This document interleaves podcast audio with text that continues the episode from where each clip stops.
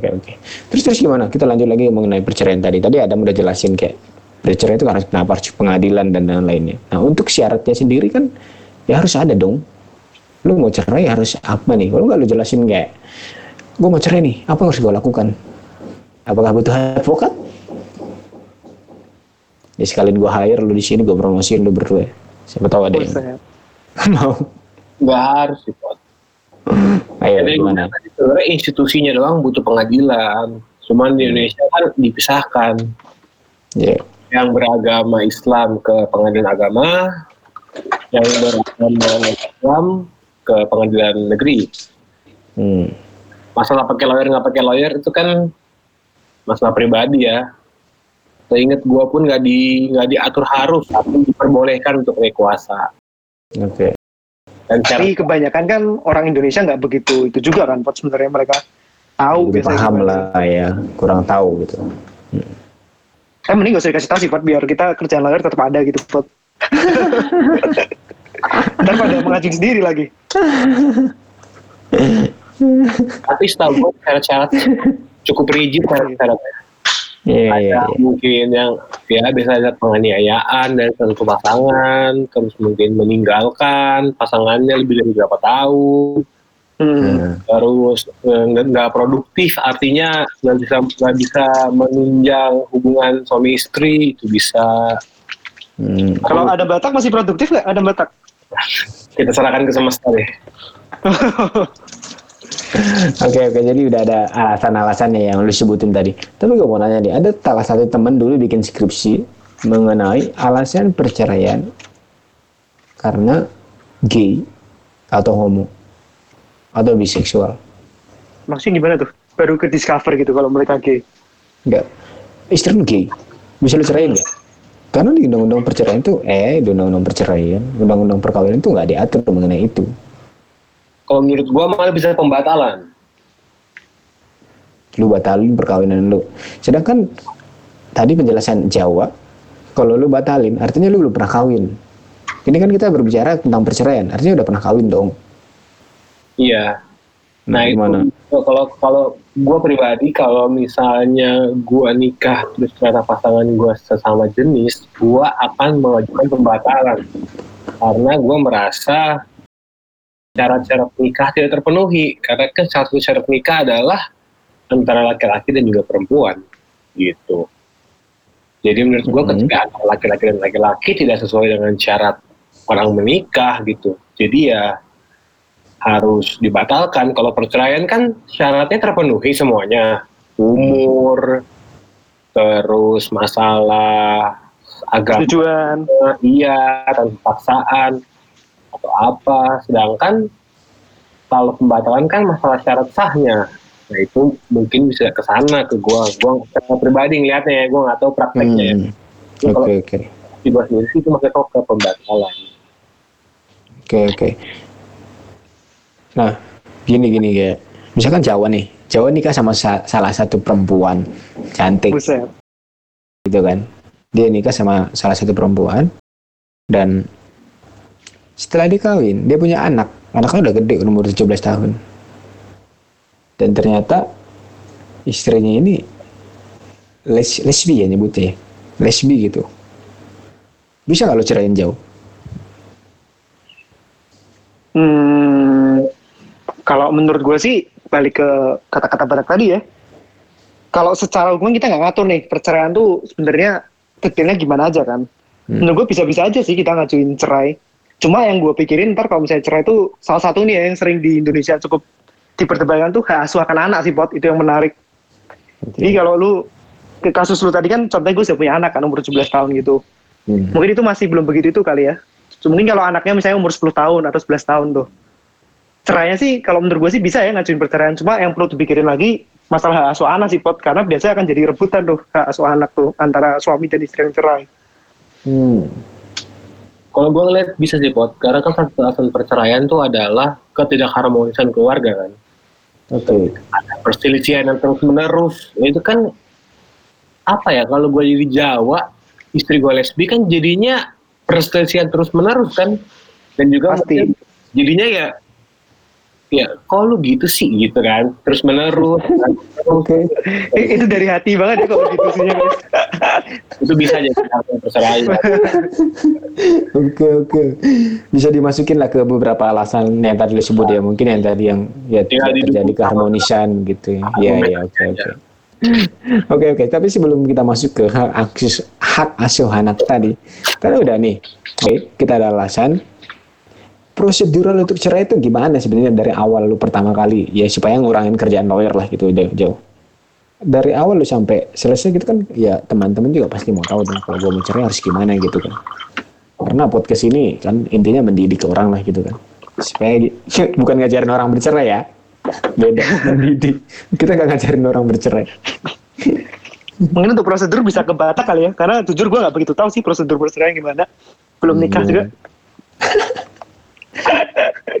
kalau gua ngelihat ya ini eh, kan perceraian itu kan hukum keluarga ya? Hmm, keluarga tuh hukum perdata. Oke. Ya kita pakainya HIR kan? Hmm, HIR sebenarnya kalau gua ngelihat sih sama aja kok sama eh, kita ngajuin gugatan ke pengadilan biasa ya. Hmm. Jadi se sepengetahuan gua mohon dikoreksi kalau salah itu kan sih gugatan perceraian. Gue lupa antara permohonan atau gugatan perceraian ya. Hmm. mungkin antara dua itulah gugatan atau atau permohonan perceraian udah ngaju ngajuin ke pengadilan negeri kalau non muslim kalau muslim ke pengadilan agama. Nah biasanya biasa mediasi mediasi tidak berhasil masuk ke proses ah, perkara persidangan biasalah proses persidangan nanti mungkin ada alat bukti atau ada keterangan saksi dan sebagainya baru putusan Oke oke oke. Ya jadi buat teman-teman sekalian kalau misalkan ada yang butuh bantuan tentang mau cerai, nanti kontak gue aja langsung email aja karena nanti gue cantumin kok di podcastnya. Ini sekedar untuk membantu teman-teman juga ya. Karena kita kan tujuan podcastnya kan mem- memang membantu teman-teman. Jadi kalau ada yang mau cerai atau apa pun, nanti gue kontak nih. Lo kontak gue, nanti gue kasih ke mereka yang berdua ngomong ini. Jadi bukan gue yang ngerjain. Oke? ya kita lanjut lagi ya. Thank you untuk jawaban-jawaban yang udah kasih tadi dan tadi lu menyinggung juga mengenai setelah cerai pasti ada dampaknya kan lu bilang jauh. Nah dampaknya apa yang terjadi? Yang kalian lihat berdua gitu apa aja sih sebenarnya? Kayak ada hak asuh ada apa lagi selain itu? Hak asuh itu berbicara tentang apa sih sebenarnya? Oke oke. Tadi mungkin kan ya maksudnya Jawa sempat nyinggung mengenai kayak hak asuh nih. Itu kan terjadi setelah perceraian gitu kan. Sebenarnya dampak setelah perceraian itu apa aja selain hak asuh? Dan hak asuh itu sebenarnya apa sih? Hak asuh itu kayak gimana gitu? Gimana lo ngelihatnya sih gitu berdua? Ya dampak dari perceraian satu status lu sudah tidak menikah lagi dengan pasangan lu kan. Hmm. yang kedua hak asuh anak sama yang ketiga gue ngelihatnya adalah harta gono gini. Oke.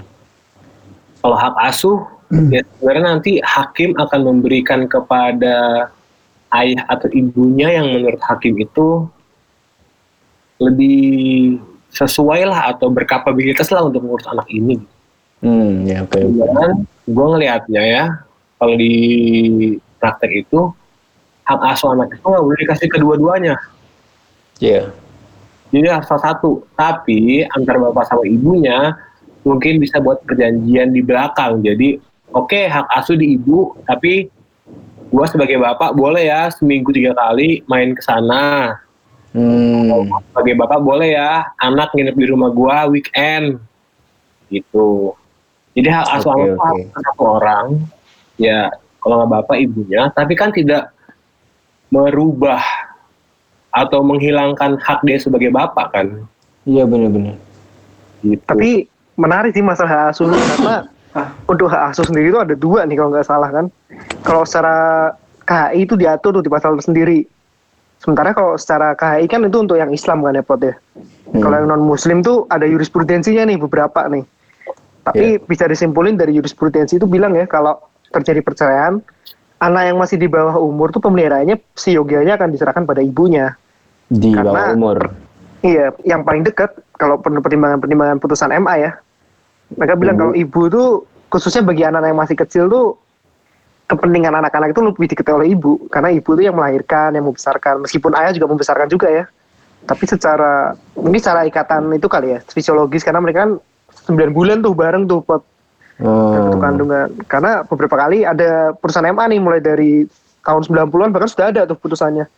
Oke oke. Kalau oke. hak asuh akan jatuh ke ibu untuk anak yang di bawah umur. Tapi ya benar Hmm. kata Batak balik lagi. Hakim bisa menetapkan lain kalau ternyata ibunya menganiaya atau ibunya tidak merawat kan nggak mungkin kan anaknya oleh hakim diberikan pada ibu juga. Dan sekali Betul, lagi betul, ini kan betul. jurisprudensi kan sifatnya Hmm. nggak mengikat. Tapi bisa jadi rujukan. Oke oke oke. Ya eh, ya jelas sih tadi mengenai hak asuh itu sebenarnya sekarang makin ini ya maksudnya makin berkembang lah ya nggak terlalu kaku gitu. Dan hakim juga melihatnya sebagai ya kalau ibunya dapat hak asuh tapi nggak mampu ya kenapa enggak dibantu sama bapak anak itu sendiri gitu kan. Oke oke oke. Nah sebenarnya gue nggak tahu lagi mau nanya apa gitu. Sebenarnya udah ada udah hampir penuh sih. Maksudnya hampir semua udah dibahas gitu. Tapi yang dari awal tadi gue nggak tanya sebenarnya ini harusnya ditanya di awal tapi gue nggak nanya di awal tadi. Berbicara mengenai kawin ya kalau kita ngelihat praktik di pada umumnya nih kita ngelihat di masyarakat gitu bukan di daerah-daerah atau di mana pun gitu kan di TV-TV pun sering ada di media. Dan di mana kita lihat tuh kayak ada pasang bukan pasangan sih tapi maksudnya orang pacaran gitu kan. Ada seorang pemuda dan ada seorang perempuan gitu. Laki-laki dan perempuan gitu. Si laki-laki berjanji untuk mau nikahin si cewek ini. Dia berjanji aja ya. Ketika dia berjanji ya mereka hubungan badan lah gitu kan. Zaman sekarang kan udah bukan gue bilang mudah dilakukan eh, memang mudah dilakukan tapi ya maksudnya udah beda lah gitu kan. Ter lebih cep maksudnya lebih gampang dilakukan gitu banyak orang yang melakukan gitu kan. Ya itu privasi masing-masing lah gitu. Tapi yang mau gue tanya ketika misalkan udah janji nikahin terus sudah hubungan badan terus gak jadi nikah nih ditinggalin misalnya sama cowoknya. Kan udah rugi dong lu udah tidurin gua tapi kok lu gak nikahin gua? Apa yang bisa gue lakuin sih kalau misalnya gue sebagai cewek gitu? Eh, ya itu sebenarnya harus konkret ya pot kasusnya jadi misalnya ya mungkin kayak tadi yang lu bilang cowok menjanjikan sesuatu kepada ceweknya kalau kita melakukan ini gua nikahin deh. Hmm. tapi setelah melakukan hubungan suami istri kabur si si ininya si cowoknya kan. Oke. Itu memang sepengetahuan gue ya di undang-undang tuh nggak diatur. Hal seperti itu tuh boleh nggak boleh atau apa gitu hmm. tapi kalau melihat dari beberapa putusan Mahkamah Agung atau biasa dibilang jurisprudensi itu ada kok Hmm. jadi dibilangnya bahwa si cowoknya ini melakukan penipuan kenapa penipuan kan Hmm. kan penipuan itu kan lu berbohong untuk mendapatkan keuntungan oke yang membuat orang itu memberikan sesuatu yang memberikan keuntungan kepada lu kan. Ini kan dia nggak beriin apa-apa. Cuman hakim menganalogikan bahwa keperawanan itu sebagai benda. hmm. Jadi cowoknya itu berbohong untuk mendapatkan keperawanan itu demi keuntungan dia. oke jadinya penipuan gitu jadi kalau hal-hal kayak gitu sebenarnya bisa dibawa ke hukum ya hmm. Kalau ada perempuan-perempuan yang menjadi eh, apa ya dibilangnya korban-korban buaya kayak gitu adalah penyelesaiannya gitu di pengadilan oke oke Tapi sebenarnya di KUHP juga udah diatur Pot. kalau ini awalnya ya sebelum putusan itu mungkin di KUHP atur tuh kalau lu udah janji nih bakal menikahi tapi ternyata lu nggak jadi nikahin nih itu nggak bisa dituntut ganti rugi Pot. Ini intensi awalnya ya secara KUHP. Iya. KUHP bilang di pasal 58 kalau nggak salah gue lupa juga sih dia bilang kalau hanya bisa dituntut ganti rugi kalau lu sudah melakukan pengumuman tapi Oke. seiring berkembangnya waktu kan ya pernikahan tunangan kan nggak sekedar pengumuman doang ya lu pasti harus kayak nyiapin IO fotografer lah gitu yang dikeluarkan Hmm. terus mengingat di prakteknya juga berkembangnya kayak perusahaan yang tadi dibilang Batak juga kayak itu bisa juga ditarik nggak cuma dari sisi perkawinan nih pot bisa ditarik ke unsur Oke. penipuan atau pencabulan Hmm. bahkan karena di putusan ini salah tuh tiga itu kan dia didakwainya pencabulan, penipuan, sama satu lagi gue lupa apa gitu. Di tingkat PN-nya tuh dihitungnya pencabulan itu, tapi penipuan juga karena keperawanan dihitung sebagai barang. Ini mungkin yang teman-teman Hmm. belum pada tahu juga ya kalau ternyata keperawanan itu bisa dihitung sebagai barang kalau menurut putusan MA ya. MA atau Hmm. MK sih itu Mahkamah Agung. Mahkamah MA itu putusan MA. Jadi mungkin gue ngelihatnya kalau di undang-undang perkawinan atau di KUH Perdata ya, itu kan ngelihatnya kan lebih ke kerugian. Ya, Hmm. Ya, mungkin lu udah bi udah sewa IO, lu udah bangun panggung, udah apa. Itu kan ada kerugian realnya kan. Hmm. Nah, jadi kalau itu gagal, ya lu bisa minta rugi, lu bisa bisa minta ganti rugi lah. Oke oke oke. Kan kalau oke. kasus yang banyak terjadi itu belum sampai ke sana. Hmm. belum ada omongan orang tua, baru kesepakatan dua orang ini aja gitu. Nah itu yang menurut hakim mungkin harus dilindungi juga gitu. Oke oke. Cuma belum ada Makanya- kerugian- belum ada kerugian real kayak uang, tapi kan keperawanan dianya sudah diambil oleh orang tertentu yang harusnya itu dihukum juga orang yang melakukan itu gitu. Hmm, oke oke oke. Tapi tapi gini loh, ini mungkin mirip ya, maksudnya mirip tapi beda gitu. Kan tadi orang kalau misalkan dijanjiin lah mungkin sama kali ya gini, tapi ini kayak gini loh kayak misalkan lu jauh, lu lu Kenapa gue nih. mulu ya? Ah, kenapa tuh? Lu punya eh J- Batak aja deh kan dia punya pacar nih. Misalkan Batak Iya nih. Tak lu kan punya pacar nih. Iya tuh. Lu punya pacar, terus lu suatu hari berantem nih. Lu berantem. Ya, lu kalau pacaran udah pasti pernah ngasih sesuatu dong ke pacar lu. Lu ngasih bunga, ngasih ini, ngasih ini, ono semuanya gitu kan. Lu putus, lu minta, boleh gak sih? Nah, ini gini pot. Apa yang lu minta? Karena gua nggak tahu. Pot. Barang-barang itu yang lu minta, yang lu pernah lu kasih semuanya. Karena mungkin kalau di hukum itu memberikan sesuatu tuh mungkin bahasanya hibah ya. Gua nggak tahu. Karena kan itu tindakan satu arah ya. Oke. Kalau gua kalau tindakan satu arah itu nggak ada kewajiban dari pihak yang menerimanya gitu. Beda sama jual beli. Gua kasih barang, lu kasih gua uang. Kalau gua udah kasih uang, lu nggak kasih gua barang, gua bisa tuntut sesuatu. Sedangkan kan kalau memberi, gua misalnya pernah beliin dompet, pernah beliin tas, pernah kasih bunga, itu kan tindakan satu arah. Hmm. Jadi si perempuan ini sebenarnya nggak punya kewajiban untuk mengembalikan karena memang tidak ada prestasi untuk itu. Hmm. Cuman mungkin itu lebih ke apa ya? Kepatutan kali ya mungkin itu mungkin lebih tepatnya. Kalau secara hukum Lebih ke sih keegoisan, ya, lebih ke keegoisan. itu antara egois atau pelit beda-beda tipis itu juga ya. Ya tapi kalau lu tanya dari kalau kacamata kayak gitu sih, menurut gua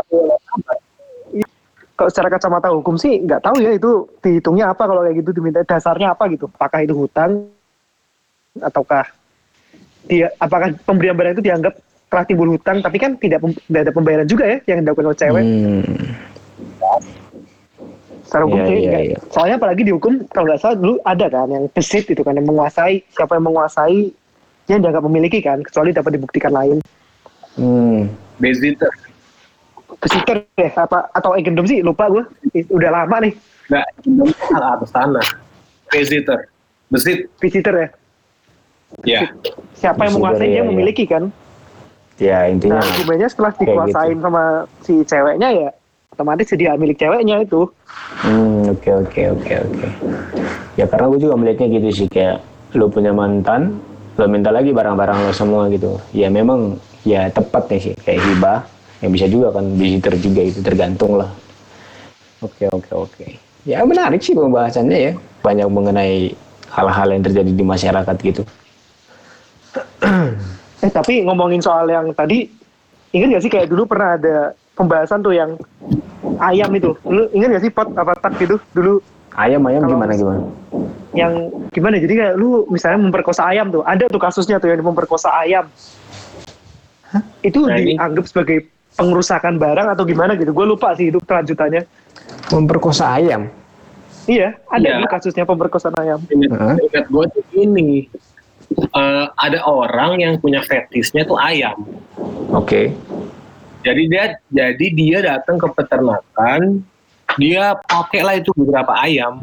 gitu terus gue nggak tahu ya mungkin tuh ayamnya meninggal atau jadi nggak produktif si yang punya ayamnya itu peternakan ayamnya itu ngegugat ke pengadilan. Hmm. ini ayam gua dipakai sama nih orang nih. Nggak bisa bertelur lagi atau jadi sakit atau jadi mati. Gua rugi nih gimana dong negara? Nah seingat gua tolong koreksi kalau salah hakim itu menganalogikan gue lupa ya kelaminnya si ayam atau pantatnya si ayam ini dianalogikan sebagai barang dan Hmm. karena orang ini jadinya pengerusakan barang jadinya dia Oke oke. gua kena pidana itu pengerusakan barang milik orang lain Ini real case ya ini. Kalau mungkin teman-teman nggak tahu, gitu jadi ya di Indonesia itu sebenarnya baik walaupun itu civilo tapi hakim kan pada dasarnya tidak boleh menolak suatu perkara ya dengan alasan Iya, iya. gitu karena masih ada analogi masih ada penafsiran-penafsiran lain lah walaupun Hmm. pidana tuh nggak boleh analogi tapi mungkin untuk memberikan keadilan bagi masyarakat hal-hal kayak gitu mungkin butuh diterabas sedikit sih Oke. Ya jadi intinya sebenarnya negara kita ini gue rasa bukan hanya menganut civil law, menganut common law juga ya sebagian-sebagian dicopot, civil law dibagi, civil law juga dicopot sebagian-sebagian. Jadi ya nggak tahu lah. Yang susah sih kalau berbicara ngomongin civil ya. law juga. Hmm. Karena emang iya sih, gua akuin susah juga sih. Nah itu pembahasan itu pembahasan yang menarik juga Put, karena ini gue sendiri ya gue nggak baca referensi gue berdasarkan Hmm. gue aja. Oke kita sivilo, walaupun yang dasar yang bilang kita sivilo, nggak ada kan? Ya, Nggak sebenarnya nggak ada. nggak ada. Cuman gue ngelihat dengan adanya Mahkamah Konstitusi, dia kan bisa memutuskan sesuatu Iya. yang menjadi hukum, Hmm. putusan pengadilan kan, yang Iya. menjadi hukum. Nah itu kan itu kan common loh gitu. Jadi sekarang tuh menurut gua ya udah mix up lah antara dua itu. Dengan adanya Mahkamah Konstitusi membuat kita nggak jadi sivil murni karena orang peraturan dia batalin kok. Oke. Hukum Ini menarik nih kalau teman-teman ada yang mau skripsi nih. gitu. Cuma itu menurut gue itu kan kalau masalah common law civil itu mungkin maksudnya ke filsafat hukum ya. Hmm. Hmm. Hal yang nggak diatur, hal yang dari kebiasaan, terus Iya iya iya. Hasil dari kolonialisasi gitu-gitu lah. Kayak AUPB mungkin kali ya kalau di pemerintahan. Ya hal yang nggak kelihatan lah filsafat hukum. Gitu pot. Oke oke oke oke. Ini gue lagi baca salah satu arti, bukan artikel sih, tapi ada salah satu sumber berita yang judulnya diputusin diputusin pria di NTT yang balikin biaya pacaran 40 juta. Dan dan ini diterima sama pengadilan sana ya, pengadilan NTT dan putusannya menerima dan mengabulkan gugatan penggugat seluruhnya menyatakan demi hukum perbuatan tergugat adalah merupakan perbuatan melawan hukum kepada penggugat. Menyatakan hukum akibat perbuatan melawan hukum oleh yang dilakukan oleh tergugat penggugat menderita kerugian Pak.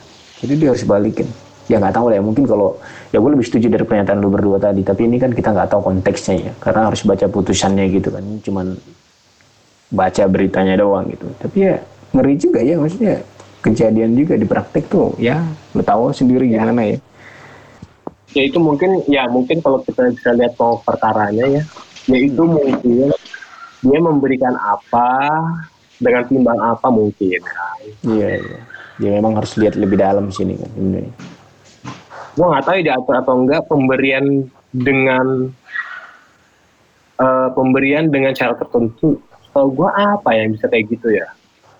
Hibah atau wakaf gitu menurut gue yang wakaf wakaf kalau hibah tuh enggak Hibah nggak pakai syarat dong kalau hibah. wakaf wakaf wakaf ya. Pokoknya kayak gue kasih tanah ini untuk bangun masjid misalnya. nah itu wakaf setahu gue sih Kalau tiba-tiba dibangunnya rumah, setahu gue bisa dibatalin atau bisa digugat setahu gue ya. Hmm. Karena kan lu diberikan tidak sesuai dengan peruntukan. Iya iya iya. Itu balik lagi kok nanti tanahnya bener-bener. bener. Mungkin juga gitu. Nih gue beliin motor, tapi misalnya untuk apa? Hmm. mungkin ya ternyata nggak sesuai dengan pemberiannya gitu sih menurut gua ya Oke oke. Ya, ya mungkin ya mengenai perkawinan, perceraian, ya mungkin kita ini lagi ngebahas mengenai khusus sebenarnya kan mengenai perdata gitu kan, perdata aja gitu ya. Untuk yang beragama non Muslim. Nah mungkin untuk next episode kita bisa ngebahas lagi tentang perjanjian, eh kok perjanjian sih, maksud gua perkawinan sampai perceraian. Mungkin ya yang diatur oleh agama Islam gitu kan. Tapi Mungkin untuk sebelum Eh, mengakhiri tapi ini, ngomong-ngomong perjanjian, Pot, menurut lu perkawinan perjanjian nggak, Pot, menurut lu? Kalau menurut gue sendiri perkawinan itu perjanjian atau enggak, ya sebenarnya perjanjian, tapi nggak masuk ke dalam ranah yang biasa dikenal dalam masyarakat. Yang gue tahu ya, yang gue, yang menurut gue gitu, pandangan gue kayak gitu. Perjanjian ya perjanjian, maksudnya kan kalau kita bahas kayak, oke ada dua orang sepakat, oke mereka dewasa cakap, ya karena kalau kawin kan pasti cakep dong. Kalau nggak cakep kan nggak bisa kawin gitu kan, ada hal yang ditentukan juga. Terus ya melanggar kan nggak melanggar juga gitu kan. Sebenarnya memenuhi syarat tapi konteksnya beda. Diatur dalam hukum keluarga satu bukan hukum keluarga. Jadi sebenarnya kalau gua ngelihatnya nggak masuk ke dalam perjanjian yang biasa diatur di 320 itu. Kalau lu berdua gimana? Setuju gua setuju. Tapi setahu gua ya Kalau gue sih, jawab dulu. Nggak- kalau gue sih, menurut gue juga enggak ya, karena perkawinan kan masuknya buku satu ya kalau di KUA Perdata tentang hukum Hmm. keluarga. Sementara Iya. perjanjian kan buku tiga ya, perikatan kan. Sementara di Iya, buku tiga nggak diatur tuh perkawinan. Terus Hmm. sebab yang mau diatur apa di, di- kalau misalnya perkawinan yang perjanjian? Kan ada Iya, tuh iya. salah satu syarat kan ada hal-hal tertentu kan yang diatur dalam perjanjian. Kalau Hmm. perkawinan apa yang diatur? Apakah mereka akan menjalani hubungan sampai mati atau gimana? Dan apakah Oke. itu terukur nggak terukur kita juga nggak tahu kan itu. Jadi sebenarnya menurut gua enggak sih, bukan per- bukan perjanjian. Cuma ya nggak tahu ya kalau salah mau dikoreksi. Tapi in my opinion sih bukan perjanjian menurut gua perkawinan itu. hmm ya ya ya ya ya kalau gua setahu gua kalau di KUH Perdata dulu penyebutannya perjanjian sih setahu gua ya hmm. tapi kalau kita udah kan itu kan jadinya menurut Undang-Undang 74 kan dihapus kan karena ada Undang-Undang perkawinan yang lebih khusus makanya berlakulah Undang-Undang perkawinan bahasanya Undang-Undang perkawinan kan ikatan lahir batin. Jadi ya bukan perjanjian gitu ikatan lahir batin. Walaupun ada kata-kata persetujuan menurut gue itu lebih ke ya kalau nikah itu bukan paksaan lah. Nikah itu emang sama-sama mau. Cuman persetujuan di sini bukan dimaknai sebagai perikatan. Gitu. Dan juga kan kalau lo ngajuin perceraian kan bukan ngajuin gugatan perdata wan prestasi kan tapi lo ngajuin perceraian gitu jadi itu dua hal yang berbeda tapi mungkin agar masyarakat lebih mudah menerima ya perjanjian lah karena kan sepakat mau nikah nggak ada paksaan dan sebagainya gitu Hmm, ya ya ya. Oke oke sebelum kita ngakhirin ini udah gak kerasa loh ini sejam lebih. Gak kerasa ya kita ngobrol panjang juga mengenai tentang hukum gitu. Tapi maksudnya sebelum mengakhiri pembicaraan ini dari lu berdua menurut lu yang penting untuk dibahas, yang penting dikasih tahu ke teman-teman kita, maksudnya pendengar-pendengar sekalian mengenai perkawinan. Hal apa yang perlu diperhatikan dari lu perkawin sampai lu cerai? Ya maksudnya sebelum cerai lu ha- hal-hal apa aja? Maksudnya singkatnya hal apa yang perlu diperhatikan sih untuk menutup kesimpulannya gitu? Mungkin dari Batak dulu mungkin kali ya. ya kalau dari gua ya sebenarnya nikah tuh kita terlepas dari hukum ya nikah tuh nggak Hmm. mudah lah banyak hal yang harus dipersiapkan banyak hal yang harus juga dipikirkan gitu. Jangan sampai udah nikah terus ntar cerai mungkin mer- merugikan keluarga maupun anak. Jadi ya untuk nikah tuh ada banyak syaratnya lah. Sebelumnya juga nggak ngomongin juga hukumnya ya tapi sosialnya. Kayak lu mungkin harus berpenghasilan cukup keluarga setuju lu yakin dan lain sebagainya gitu di sisi lain harus juga lihat dari sisi hukumnya syarat-syaratnya apa aja terus tata caranya gimana terus lihat. Nah jangan sampai lu menempuh ke perceraian. Tadi iya. perceraian itu juga nggak semudah bilang kayak orang putus pacaran. Ya udah kita udahan aja lah. Kamu terlalu baik buat aku nggak kayak gitu. Gitu sih menurut gua. Kalau menurut gua sebenarnya sama sih karena pernikahan tuh bukan sekedar ayo nikah itu karena dari penjabaran kita sebelumnya juga kelihatan kan itu yang yang kita yang kita capture aja ya. Belum isu-isu yang kita nggak capture tuh. Lu begitu mau cerai aja ada prosedurnya. Lu mau batalin ada prosedurnya. Begitu lu cerai lu harus ngurus hak asuh. Lu mau transaksi harus minta persetujuan istri dan lain-lain. Hmm. jadi menurut gua sebelum nikah lu mending pikir-pikir lagi sih karena ini kayak point of no turning back gitu. Sekali lu sudah mau nikah konsekuensi yang lu bakal terima tuh banyak dan setiap tindakan lu tuh ada konsekuensinya di setiap pernik apa dalam pernikahan tuh. Karena ini lu Oke, menyatukan dua keluarga jadi satu gitu. Terlepas dari isu hukum apa nggak hukum ya.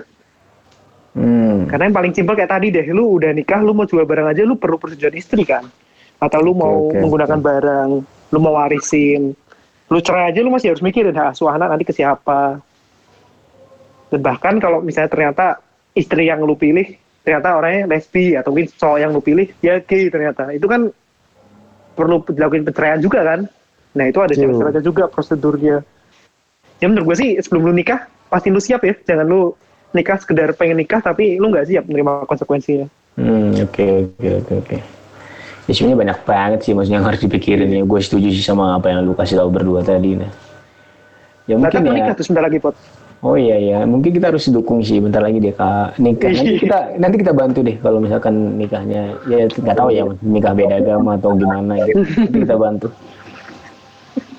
Nikahnya aja yang kita bantu ya kalau cerai cerainya jangan lah. Kalau- Kalau perceraiannya kalau jangan. perkawinannya mau dibantu juga boleh Gak usah. Iya. Lu aja yang bantu Oh, itu- gue nggak mau. itu bisa sendiri ya dam ya Bisa gua. Ada bukunya. bisa Ah, Oke oke, thank you buat kedua teman-teman gue hari ini. Ada Adam Jawa dan ada Batak. Mereka udah berbicara mengenai banyak hal tentang perkawinan. Dan untuk teman-teman juga udah ada pesan juga dan tadi dari mereka.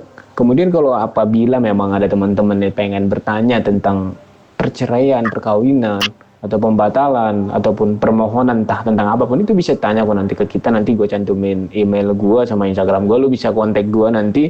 Nah, untuk terkait bantuan ini bisa nanti gue tanyakan lagi ke mereka ataupun gue hubungin lu ke mereka gitu. Maksudnya dikoneksiin gitu. Nah tapi untuk mengakhiri hari ini mungkin teman-teman gue akan mengakhiri dengan menutup statement closingnya. Yuk kalian tutup. Ini nggak ada di briefing ya tadi damai ini ya? Ini Mungkin- lain nih. Iya lain nih. Oke lah. mungkin cukup sekian kali ya. Si Adam mau kasih pantun dia kayak tak kasih pantun tak. Belum buat lo gua. belum buat Oke, gini nih. buset nih nih Eh, keluar cuci tangan sampai bersih. Cukup sekian dan terima kasih. cakep. kasih pot Makasih buat thank you thank you thank you ya untuk kalian berdua God bless anjir kocak